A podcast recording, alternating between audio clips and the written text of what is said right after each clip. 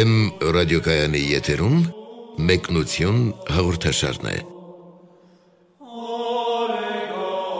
Մեկնություն հաղորդաշար եթերում արժանապատիվ Տեր Մեսրոպ Քահանա Արամյանը եւ լրագրող Արաքս Պողոսյանն են։ Օրնացեք Տեր հայր։ Աստված օրհնի։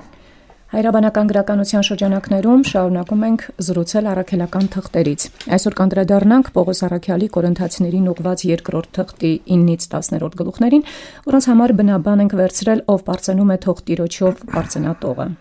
Տեր հայր 9-րդ գլուխը առաքյալը սկսում է Կորինթացիներին ուղված այսպես գովեստներով, խրախույսներով եւ սրբերի համար նրանց ընծան նախապատրաստելով։ Արդ կարևոր համարեցի խնդրել եղբայրներին, որ ավելի առաջ գան ձեզ մոտ եւ առաջուց պատրաստեն նախապես ձեր խոստացած նվերը, որպեսի պատրաստ լինի այն իբրև սրտաբուխ նվեր եւ ոչ թե ժլատությամբ եղած ընծա, քանզի ով որ մի բան սերմանում է խնայելով, խնայողությամբ էլ կհնձի, եւ ով արատաձեռնորեն է սերմանում, արատությամբ էլ կհնձի։ Մի կողմից իր տնտեսության լավ տնտես լինելը գովելի է տիրոջ առաջին, մյուս կողմից արատաձեռնելն է գովում։ Ինչպես կարող է մարդը եւ տնտեսել խնայողությամբ եւ ժուշկալելով վարել իր տնտեսությունը, այսինքն հոգալ իր եւ իր ընտանիքի կարիքները, մյուս կողմից արատաձեռնել։ Դրանք ինչպես է հնարավոր զուգակցել, որպեսզի չտուժի իր ընտանիքը, իր մերձավորները։ Բայց որևէ հակասություն այդտեղ չկա, որևէ մեկը չի կարոզում, որ ընտանիքի մասին ընդհանրապես հոգ չտանել, բնական է, որ ընտանիքի մասին մարդը պետք է հոգ տանի, բայց մյուս կողմից էլ մարդը մեկ այլ բնորոշ գիծ ունի, որ ինքը նաև ունի պարտականություններ առավել մեծ ընտանիքի նկատմամբ, այսինքն իր ընտանիքը իր մերձավորագույն հարազատներով միայն չի սահմանափակվում եւ հետեւաբար այդ ավելի մեծ ընտանիքի համար ինքը նույնպես աստծուց ունի կատարելիք պարտականություններ այնպես որ այստեղ որևէ հակասություն չկա եւ ընդհանրակը Պողոս Արաքյալը խորհուրդ է տալիս առատաձեռն լինել, որտեղ սովորաբար մենք առատաձեռն ենք մերձավորների նկատմամբ եւ այդքան առատաձեռն չենք նրանց նկատմամբ, որոնց չենք համարում, ասենք մեր արյունակցական ընտանիքի անդամներ։ Եվ ընդհանրապես Աստված նույնպես մարդկանց չի բաժանում, այսինքն բոլորի վրա հեղում է իր բարիքները եւ հավասարապես եւ ապարքևները եւ բոլոր մարդկանց տալիս է նաեւ փրկության հավասար հնարավորություններ։ Եվ ընդհանրապես առատաձեռն լինելը կարելի է ասել ողորմած լինելը, առատաձեռն լինելը աստվածանմանության կարևորագույն դրսևորումներից մեկն է։ Եվ պետք է ասել, որ հնարավոր չէ ընդհանրապես քրիստոնյա լինել թեկուս բոլոր առաքինությունները կատարել, բայց այս մի առաքինությունը չկատարել։ Այս մի առաքինությունը չենք կատարում, մնացած բոլորը մենք իզուր ենք անում։ Այսինքն մենք պետք է հոգ տանենք այլոց համար։ Մարդկանց համար, որոնց նույնիսկ մենք չենք ճանաչում անձնապես։ Եվ սա հոգատար վերաբերմունք է ընդհանրապես Աստծո արարչության նկատմամբ սա Աստծո սիրո փոխանցումն է մարդկանց, որտեղ այդ սերը, որ մենք դրսևորում ենք, Աստված է կամենում եւ Աստված կամենում է, որ մարդու միջոցով տեղի ունենա եւ Աստված կամենում է իր սիրուն գործակից դարձնել մեզ։ Եվ հաջորդող հատվածները վերոհիշյալ մտքի առավել մանրամասնումն են, յուրաքանչյուրը թող տա ինչպես հոժար է սրտով եւ ոչ թե հարկադրաբար եւ տրտմությամբ, որովհետեւ Աստված սիրում է զվարթարատ турքը, եւ Աստված կարող է ամեն շնոր շատացնել ձեր մեջ, որ เป զի ամեն ինչում ամենայն ժամ ամենայն բավականություն ստանալով արատանակ բոլոր բարի գործերում, ինչպես գրվածել է. Եւ Աստված, որ սերմ է ապարգևում սերմնացաններին եւ ուտելու հաց պիտի ապարքեվի եւ պիտի բազմացնի նաեւ ձեր սերմնացուն եւ պիտի աճեցնի ձեր արդարության պտուղները։ Տեր հայր, այսօր եթե այսպես մեր հայրենակիցներին ասենք, որ եթե դուք ձեզ համարում եք քրիստոնյա եւ եկեղեցու զավակ, պիտի ձեր եկամտի 1/10-րդ մասը նվիրաբերեք եկեղեցու կարիքներին, անշուշտ շատերը կհրաժարվեն դա անել, շատերն էլ եթե անեն, կանեն ճարահատ եւ տրտմությամբ, եւ միայն քչերը դա կանեն հոժարական եւ զվարթասիրտ։ Եվ շատերը կպաճառաբանեն, որ իրենց ստացածն իրենց նույնիսկ չի հերիքում, իրենց կարիքները հոգալուն։ Ունենք այսպիսի խնդիր հավատացյալների շրջանում գիտեք, կա այդպիսի խնդիր, ես չի ընդհանրացնի դա, որովհետև մարդիկ էլ կան, որ իսկապես եւ տասանորդ են տալիս եւ ավելի քան տասանորդն են նվիրաբերում աղքատներին կամ կարիքավորներին, այնպես որ դա ընդհանրացնել չի կարելի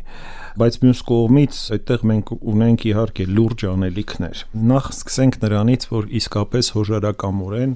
զվարթությամբ եւ ուրախությամբ պետք է անել այսինքն արածիդ մեջ պիտի դնես ուրախություն որտեվ եթե կա այդտեղ դժկամություն արածը դել մի տեսակ կարծես թե չի օրհնվում որ ամենակարևորն է քեզ համար ճիշտ չի աշխատում որովհետեւ որ դու անում ես դա որպես պարտադրանք եւ ոչ թե որպես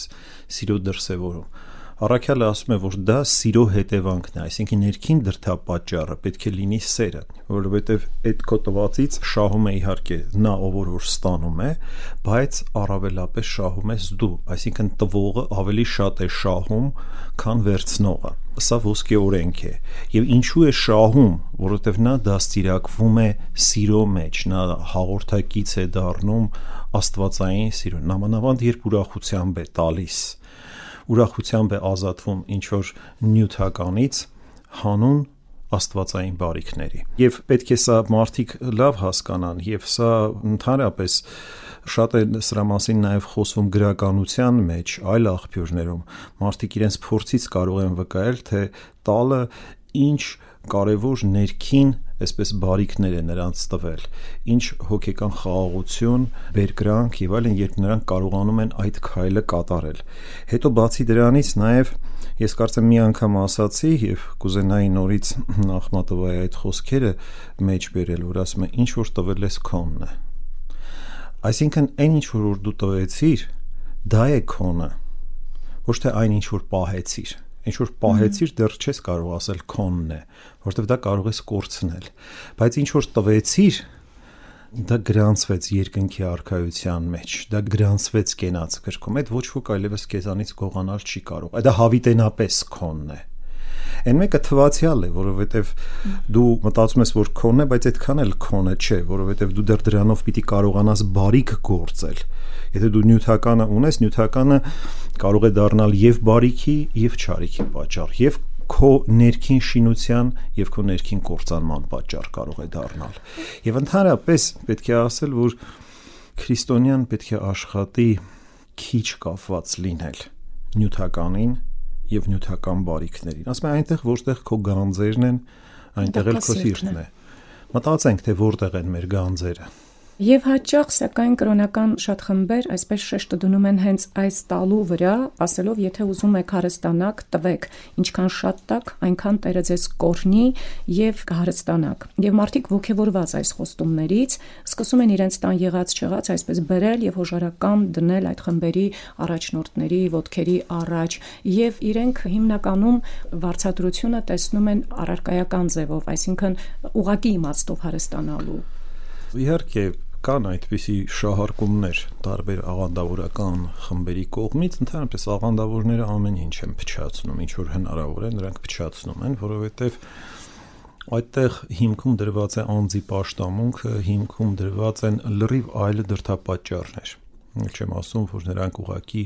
խաղալիք են դառնում, ճարի ձեռքին գործիքներ են դառնում։ Պետք է իհարկե զգուշ լինել այս ամենից, բայց մյուս կողմից էլ եկեղեցին նախ եւ առաջ պետք է դաստիարակի այս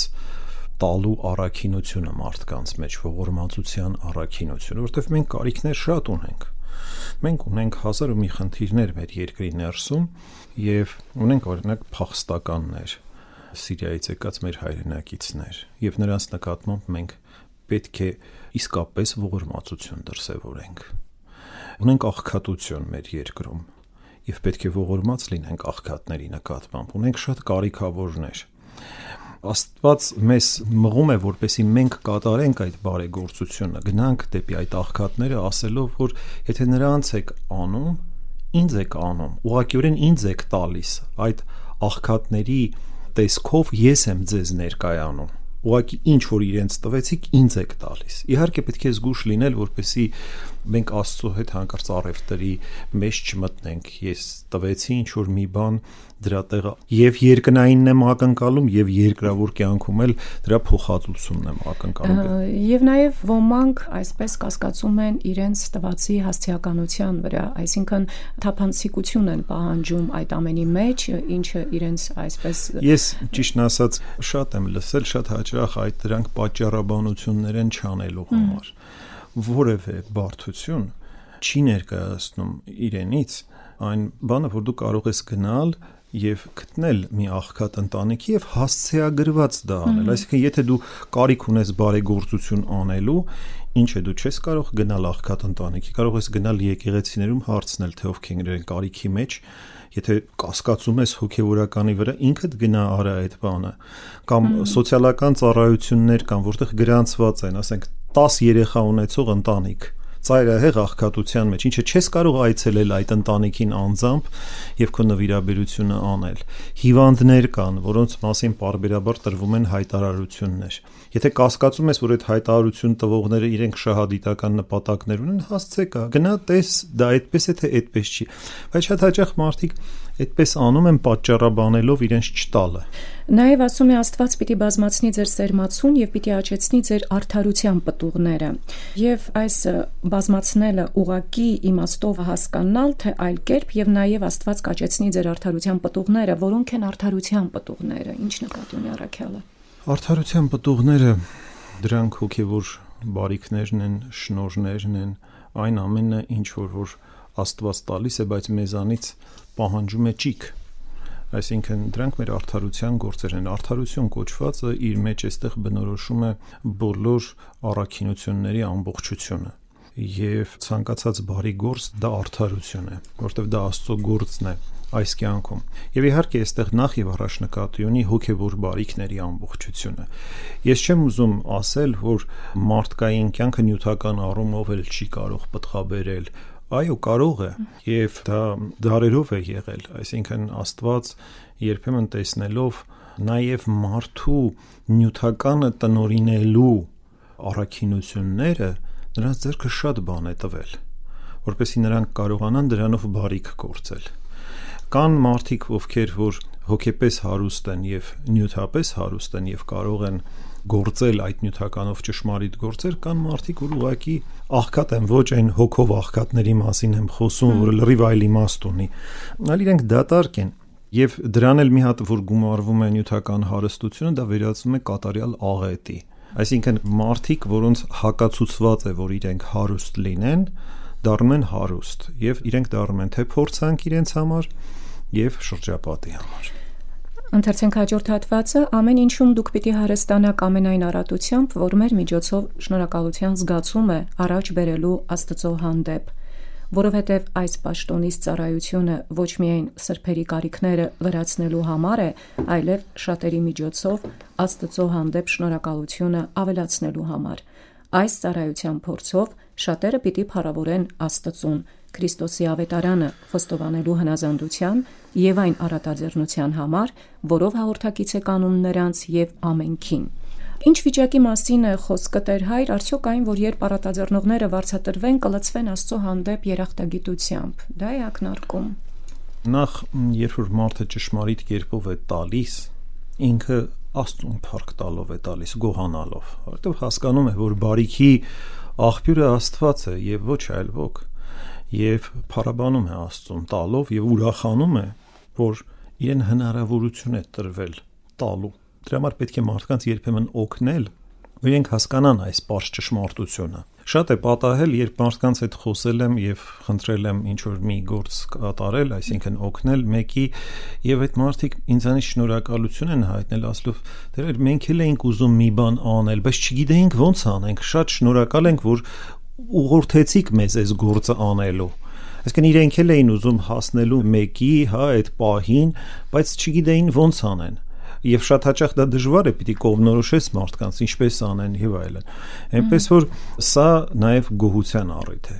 բայց նաև Պողոս Արաքյալի ասացի մեջ այս երանգը կա, որ երբ որ այդ ամենով կատարում է կարևոր հոգևոր գործ, այսինքն ի վերջո Պողոս Արաքյալը ինչի համար էր այդ դրամը կամ այդ օգնությունը հավաքում, որպեսի Աստծո եկեղեցին առավել եւս հաստատվի եւ հզորանա։ Եվ իհարկե դա տեսնելով մարդիկ որ իրենց հավաքական գործը, ասենք ինչ արդյունքի է բերում կամ այդ նյութականը ինչ ավելի կարևոր աննյութական գործի է նպաստում, դա բերում է ընդհանուր գոհության եւ շնորհակալության։ Եվ անշուշտ խոսքը նաեւ վերաբերում է ստացողներին, որտեղ ստացողներն էլ որոնք ստանում էին, փառաբանում էին Աստծուն, որ հոգևոր գործը խրախուսվում է, որ աղոթքը, սրբությունը, հա ճկնությունը խրախուսվում է,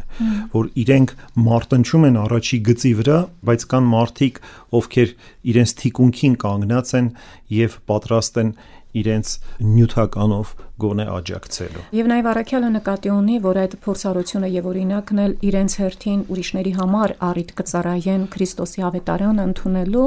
եւ առատաձեռնելու, եթե մանավանդ նկատի ունենանք, որ գործեր առավել զորավոր են, քան խոսքերը։ Այո Տեր հայր անցնենք 10-րդ գլխին եւ ընթերցենք. Եվ աղաչում եմ ձեզ Քրիստոսի հեզությամբ եւ քաղցրությամբ։ Ես ինքս Պողոսը, որ իբրև թե խոնար մեկն եմ, Երբ ձեր մեջ եմ, բայց երբ հեռու եմ ձեզանից, համարցակ եմ ձեր հանդեպ։ Աղաչում եմ, որ մոտ գտնվելիս էլ չլինի, թե համարցակ լինեմ այդ նույն վստահությամբ կամ հանդուգն գտնվեմ ոմանց նկատմամբ, որ մեր մասին են կարծում, թե մարդկային շարժարիտներից ենք մղվում, որովհետև թեպետ եւ մարմնի մեջ ենք ապրում, բայց մարդկային նկատառումներից մղված չէ, որ պայքարում ենք։ Նախ ինչպես հասկանալ, երբ մոտ եմ խոնար մեկն եմ, իսկ երբ հեռու եմ համարցակ եմ։ Մոտն ու հեռուն ինչու են վարվելաձև փոխում եւ որ դեպքում պետք է խոնար լինել, որ դեպքում համարցակ, ինչի ակնարկում առաքյալ։ Ուրեմն ընդհանրապես պետք է ասել, որ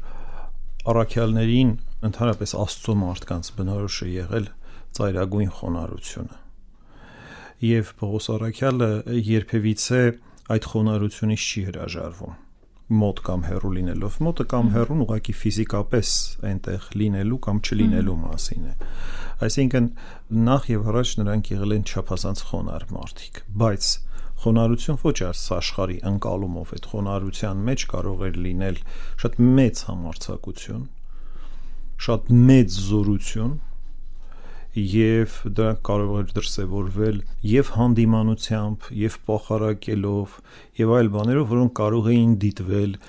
որպես հանդգնություն կամ իշխանության կիրառում եւ այլն։ Եվ նաեւ որոշակի պատիժների սահմանում մենք կարող ենք տեսնել բազմաթիվ թղթերում այդ բանի արտահայտություններ։ Էնպես որ խոնարհությունը ինքը այն ընդհանուր ոնց որ այն կարևորագույն պտղաբեր դաշտն է, որի մեջ ընդգծվում են տարբեր այսպես պահեր վարվելակերպի, որը ամենևին էլ չի հակասում խոնարհության այդ մեծ առաքինությանը։ Պողոս Արաքյալը նաև նկատի ունի, որ երբ որ ես ձեզ մոտ եմ, դուք տեսնում եք իմ խոնարհությունը, եւ երբ որ ես հանդիմանում եմ, դուք տեսնում եք, որ այդ հանդիմանանքը գալիս է խոնարհությունից բայց ասում եմ երբ որ հերո եմ դուք ինչ չեք տեսնում չեք տեսնում այդ խոնարհությունը, դուք ստանում եք միայն հանդիմանությունը եւ մտածում եք, որ սա, այսպես ասած, հանդգնության կամ այլ երևույթների դրսևորում է։ Հետո ասում է, որ մեր մարդկային մարմնի մեջ լինելը թող չստեղծի այն թյուր կարծիքը, թե մարդկային նկատառումներից մղված ենք պայքարում։ Նախ որոնք են ոչ մարդկային նկատառումներ, ինչ ասել է մարմնի մեջ ենք, բայց ոչ մարդկային չկա։ Որովհետև Պողոս Արաքյալը հստակորեն ասում է, որ այն ամենը ինչ որ որ ես անում եմ, նախ Աստծուց եմ ստանում, ապա տալիս եմ ձեզ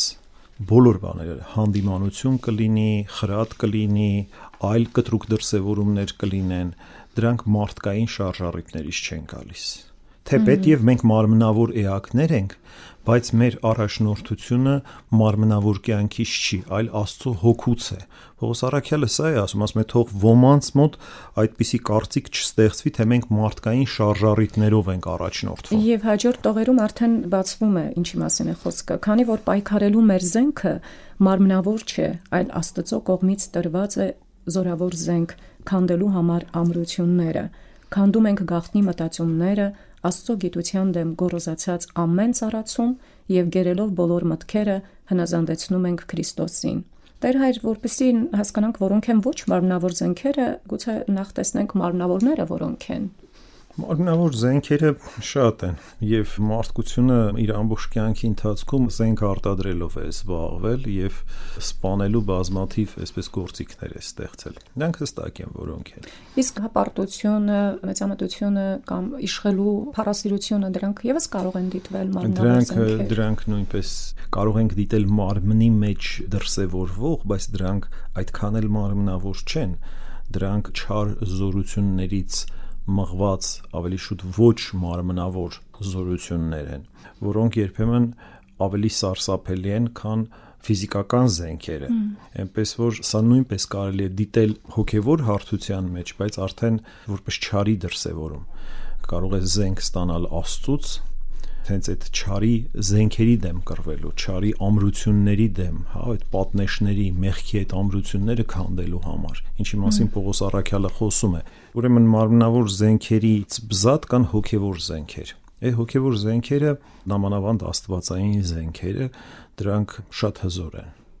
Բայց այդ զենքը ամեն մեկին չի տրվում, այլ տրվում է միայն այն մարդկանց, ովքեր այդ զենքը կարող են կործածել եւ առավել եւս իրենց վնաս չպատճառել, որտեղ զենքով ինքդ քեզ էլ կարող ես վնաս պատճառել։ Շատ հաճախ լինում է, որ մենք նաեւ Աստծուց խնդրում ենք ինչ որ բաներ եւ չենք ստանում ժամանակին։ Եվ չենք անդրադառնում, որ մենք պատրաստ չենք դա պահելու։ Նույնիսկ եթե ստանանք, դա կարող է մեզ համար վնասակար լինել, վտանգավոր լինել։ Եվ Աստված միայն տալիս է այն ժամ, երբ տեսնում է, որ մենք իսկապես պատրաստ ենք։ Այս կարևոր թվարկումների վրայով հատ-հատ անցնենք եւ ասում է քանդելու համար ամրությունները, ինչ բերթեր նկատի ունի, ինչ ամրությունների մասին է խոսքը։ Հստակ է դա մեղքի ամրություններն են, մեղքի պատնեշներն են, որոնք թույլ չեն տալիս, որ Աստծո լույսը թափանցի մեր հոգիները։ Անք անընդհատ այդպիսի ամրություններ ու պատնեշներ ենք ստեղծում Դրանք այն բոլոր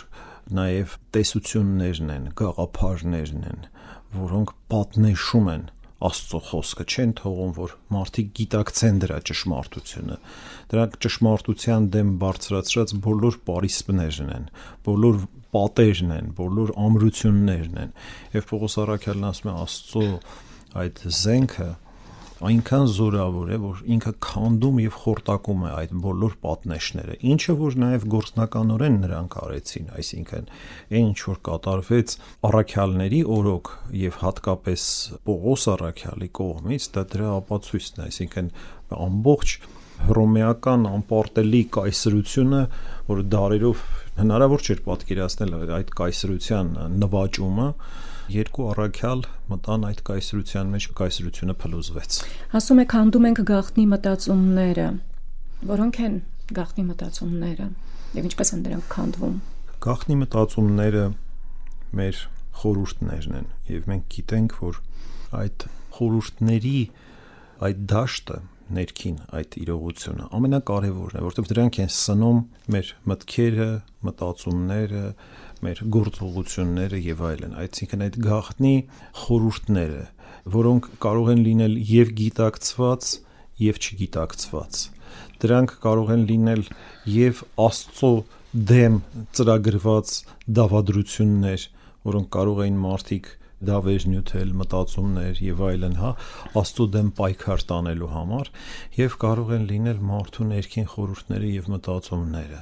որոնք խորհուրդներ են եւ սնում են բոլոր չար գործերը։ Ինքը ասում է ոչ միայն մեջ թվարկվող բղջախոհություն մեղքը դրան է վերաբերում։ Եվ դա եւ այն բոլորը, որոնք սնում են մեղքերը։ Մեղքը այնքան սարսափելի չէ, ինչքան մեղքը սնող խորուրդ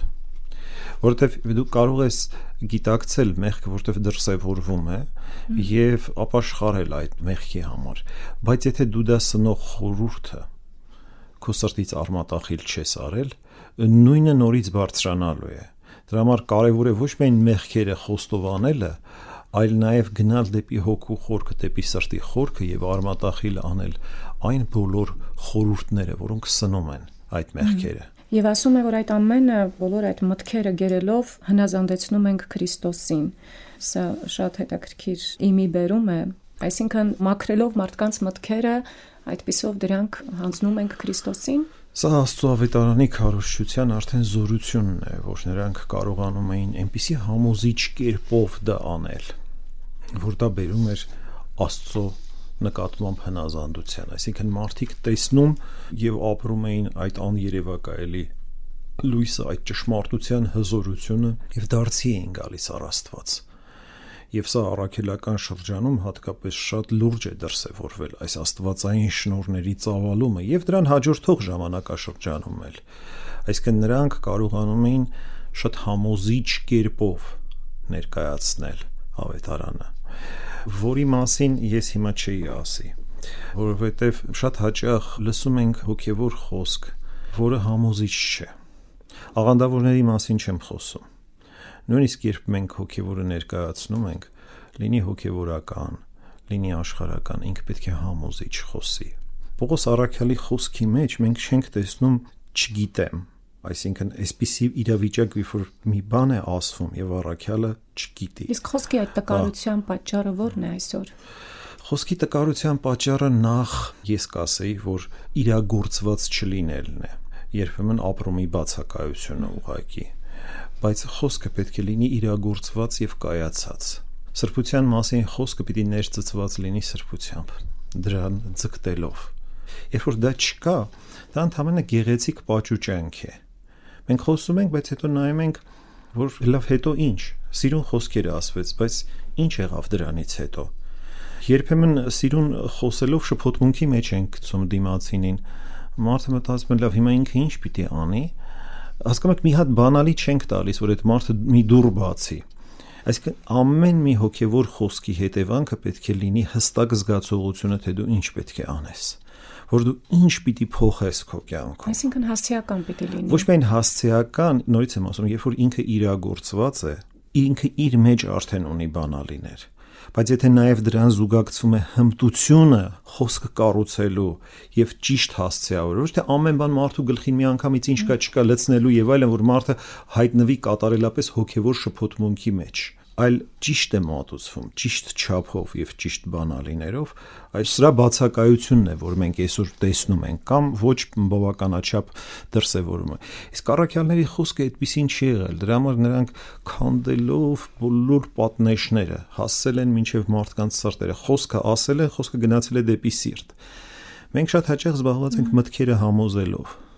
բայց արդյոք մարդու սիրտը համոզվեց։ Այդքան հեշտ չի մարդու սիրտը համոզել։ Դու կարող ես նույնիսկ շատ մեծ ճշմարտություն ասես, բայց դա համոզիչ չլինի մարդու համար։ Էնպես որ տարբերությունը շատ է եւ բնականաբար նույնիսկ առաքյալները եթե լռեին էլ իրենց շուրջը սրբություն էր սփռվելու այսինքն սա միայն խոսքով չի իհարկե դա համոզիչ լռություն բայց նաեւ ես ուզում եմ ասել որ մենք Պողոս առաքյալի թղթերը կարդում ենք եւ ապշում ենք ասենք 2000 տարի է անցել, բայց մարդկային փիլիսոփայական, աստվածաբանական միտքը այսպիսի բարձունքների չի հասել։ Այսինքն սա գագաթ է եւ դու տեսնում ես որ ինքը տիրապետում է ամեն ինչի, ունի ամեն ինչի տեսողությունը,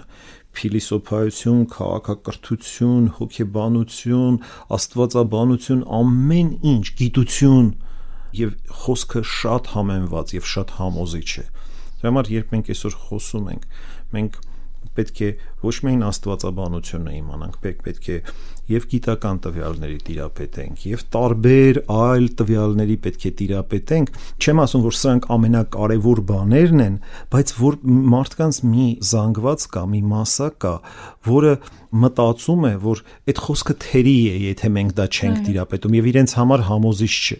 Դրա համար պետք է շատ կարդալ։ Բազմակողմանի զարգացվածություն եւ շատ կարդալ եւ այո, այդ դիապազոնը կարողանալ այս աշխարհի, այսպես ասած, այսօրվա քաղաքակրթական դիապազոնը պետք է պահպանել։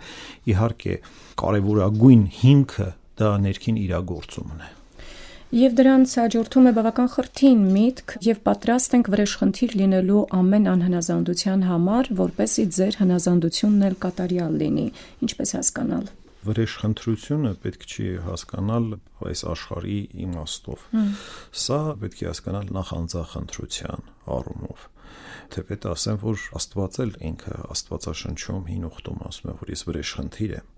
Այսինքն եւ Աստված կարող է նաեւ մարդկանց նկատմամբ էլ բարկությամբ շարժվել, բայց Պողոս Արաքյալը սրա մասին չէ, որ ասում է։ Թեպետ այսպիսի երանգ էլ կա այս խոսքում, բայց Պողոս Արաքյալը նախ եւ առաջ ասում է, որ մենք պատրաստ ենք նախանձախնդիր լինել եւ մինչեւ վերջ պայքարել ամեն մի Աստծո դեմ ըմբոստացած մտքի գաղափարի եւ անհնազանդության դրսևորման նկատմամբ։ Հաջորդ հատվածը յուրաքանչյուրին դիտեցեք ըստարտակին տեսքի, եթե մեկն իր մեջ վստահ է, թե ինքը Քրիստոսինն է, այս բանն էլ թող խորհի իր մտքում, թե ինչպես ինքը Քրիստոսինն է, նույնպես եւ մենք, որովհետեւ եթե նույնիսկ ավելի པարծենամ մեր այն իշխանության համար, որը տվեց մեզ Տերը, ձեր շինության եւ ոչ թե ձեզ կործանելու համար, ոչինչով չեմ ամաչելու, որպեսի ձեր մեջ թղթերով ահագցող մեկը չթվամ։ Ասում են, այս թղթերը ծանր են եւ խիստ, իսկ նրա մարմնի տեսքը տկար է եւ խոսքը արհամարելի։ Այդ ասողը թող իմանա, թե ինչպիսին որ ենք հերվից այդ թղթերի խոսքերով, նույնպիսին կլինենք նաեւ մոտիկից գործերով։ Տեր հայր հորդորում է արտաքին տեսքին չխապվել նախ, երբ ասում է տեսքին նայեցեք եւ հետո խոսում է խոսքի եւ գործի նույնության մասին։ Այսինքն այն ինչ խոսքով, այսինքն թղթով ուրիշներից առաքյալները պահանջում են, հանդիպելիս իրենք իրենց գործերով հենց դրա կատարողներն են հանդես գալիս։ Սրա մասին է խոսքը։ Անշուշտ եւ նաեւ կային այդ շրջանում տարբեր տեսակի նորից եմ ասում մոլորեցնողներ, որոնք սխալ տպավորություն էին փորձում ստեղծել առաքյալների վերաբերյալ եւ չարախոսություններ էին անում Պողոս Պողոս Արաքյալի Հասեն Պողոս Արաքյալն ասում է երբ ես կամ դուք գործերով կհամոզվեք ոչ միայն թղթից կհամոզվեք, այլ նաև գործնականում կհամոզվեք։ Այն ինչ որ թղթում գրված է ճշմարտություն է, ես չեմ դրա հեղինակը, այլ Աստված է ձեզ ասել։ Եվ երբ որ ես կամ, դուք նաև իմ գործերից կտեսնեք այդ թղթի մեջ գրվածների ճշմարտացիությունը։ Եվ վերջին հատվածը, որտեղ ամենաառանցքային միտքն է ամփոփված, արդարև չենք համարցակվում մենք մեզ համեմատել եւ հավասարեցնել ոմանց, որոնք գովաբանում են իրենք իրենց, բայց չեն հասկանում, որ իրենցով են չափում իրենք իրենց եւ իրենցով են համեմատում իրենց։ Իսկ մենք པարծենում ենք ոչ թե չափից դուրս, այլ ըստ չափի այն կանոնի, որն Աստված մեզ բաժանեց, որպեսի հասնենք մինչև ձեզ։ Եվ մենք առաջ չենք գցում մեզ, որպես թե ձեզ մոտ հասած չլինեինք, քանզի Քրիստոսի ավետարանով մենք առաջինը հասանք ձեզ մոտ եւ սահմանված չափից դուրս չենք པարծենում ուրիշի աշխատանքով, այլ հույս ունենք, որ ձեր հավատի աճումով ըստ մեր գործերի չափի առավել կմեծանանք ձեզնով, ձեզնից այն կողմ էլ ավետարանելու համար, առանց པարծենալու ուրիշի կատարած գործերով, բայց ով པարծենում է, թող տիրոջով բարձենա, քանի որ ոչ թե նա է ընտրյալը, ով ինքն իրեն է գովաբանում, այլ նա, ում տերն է գովում։ Մի կողմից որպես վատ օրինակ մատնանշում է նրանց, ովքեր իրենք իրենցով են པարծենում, իրենք իրենց ունենալով չափանիշ, եւ մյուս կողմից ասում է մենք པարծենում ենք ըստ չափի այն կանոնի, որ Աստված մեզ բաժանեց։ Ինչ չափի եւ པարծենալու ինչ տեսակի մասին է խոսքը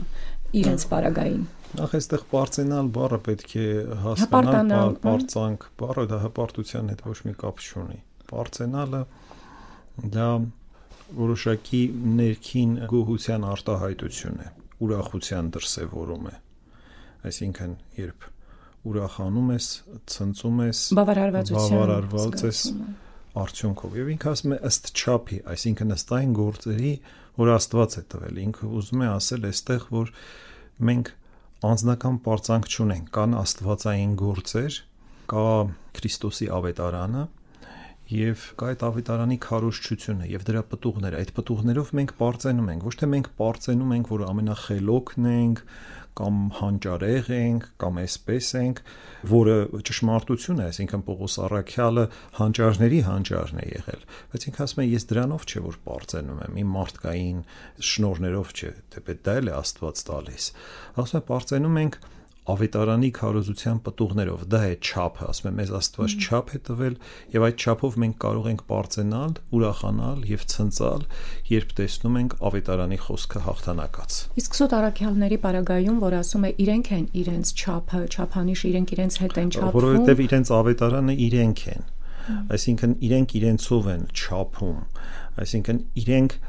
իրենց են քարոզում։ իրենք, իրենց են ոչ Քրիստոսին, արտակնապես միգուցե եւ Քրիստոսին, բայց ներքին դրթապաճառները լրիվ այլ են։ Պողոս Արաքյալը ասում է մենք դրանց նման չենք, որ ինքնագովությամբ ենք զբաղված կամ ինքներս մեզ ներկայացնելով։ Մենք ինքներս մեզ չենք ներկայացնում, հետեւաբար մենք ինքներս մեզանով པարծենալու որևէ խնդիր չունենք, մենք པարծենում ենք Աստծով։ Պողոս Արաքյալը հստակ մեկ այլ տեղում ասում է՝ «Քավ լիցի ինձ པարծենալ այլ բանով, եթե ոչ» մեր Տեր Հիսուս Քրիստոսի խաչով, այսինքն խաչով է པարծենում։ Բայց հետաքրքիր է, որ շարունակում է ինքը այս միտքը, ասում է, որով աշխարը խաչված է ինձ համար եւ ես աշխարհի։ Այս է Պողոս Արաքյալի པարծանքը։ Սա է։ Այսինքն դա մի པարծանք է, որ աշխարը խաչված է ինձ համար եւ ես աշխարհի։ Քրիստոսի խաչն է իր པարծանքը։ Այսինքն այդ խաչի ճանապարհն է այդ ճանապարով գնալը Տիրոջ ընդառաջ։ Էնպես որ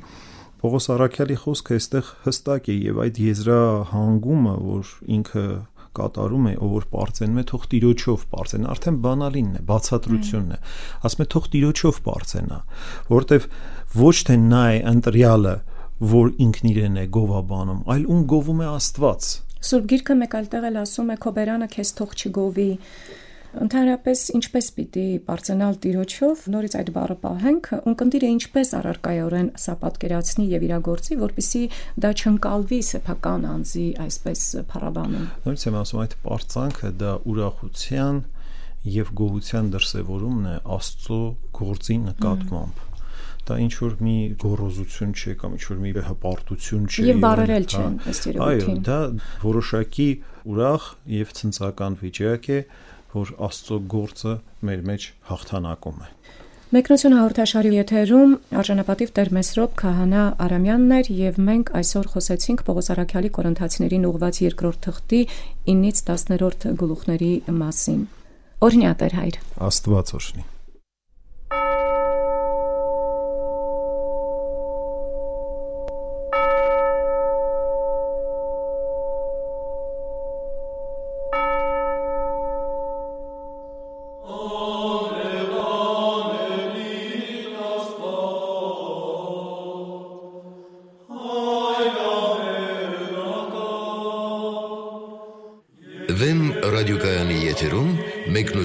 հաղորդաշարներ։ Զրույցը վարեց Արաքս Պողոսյանը։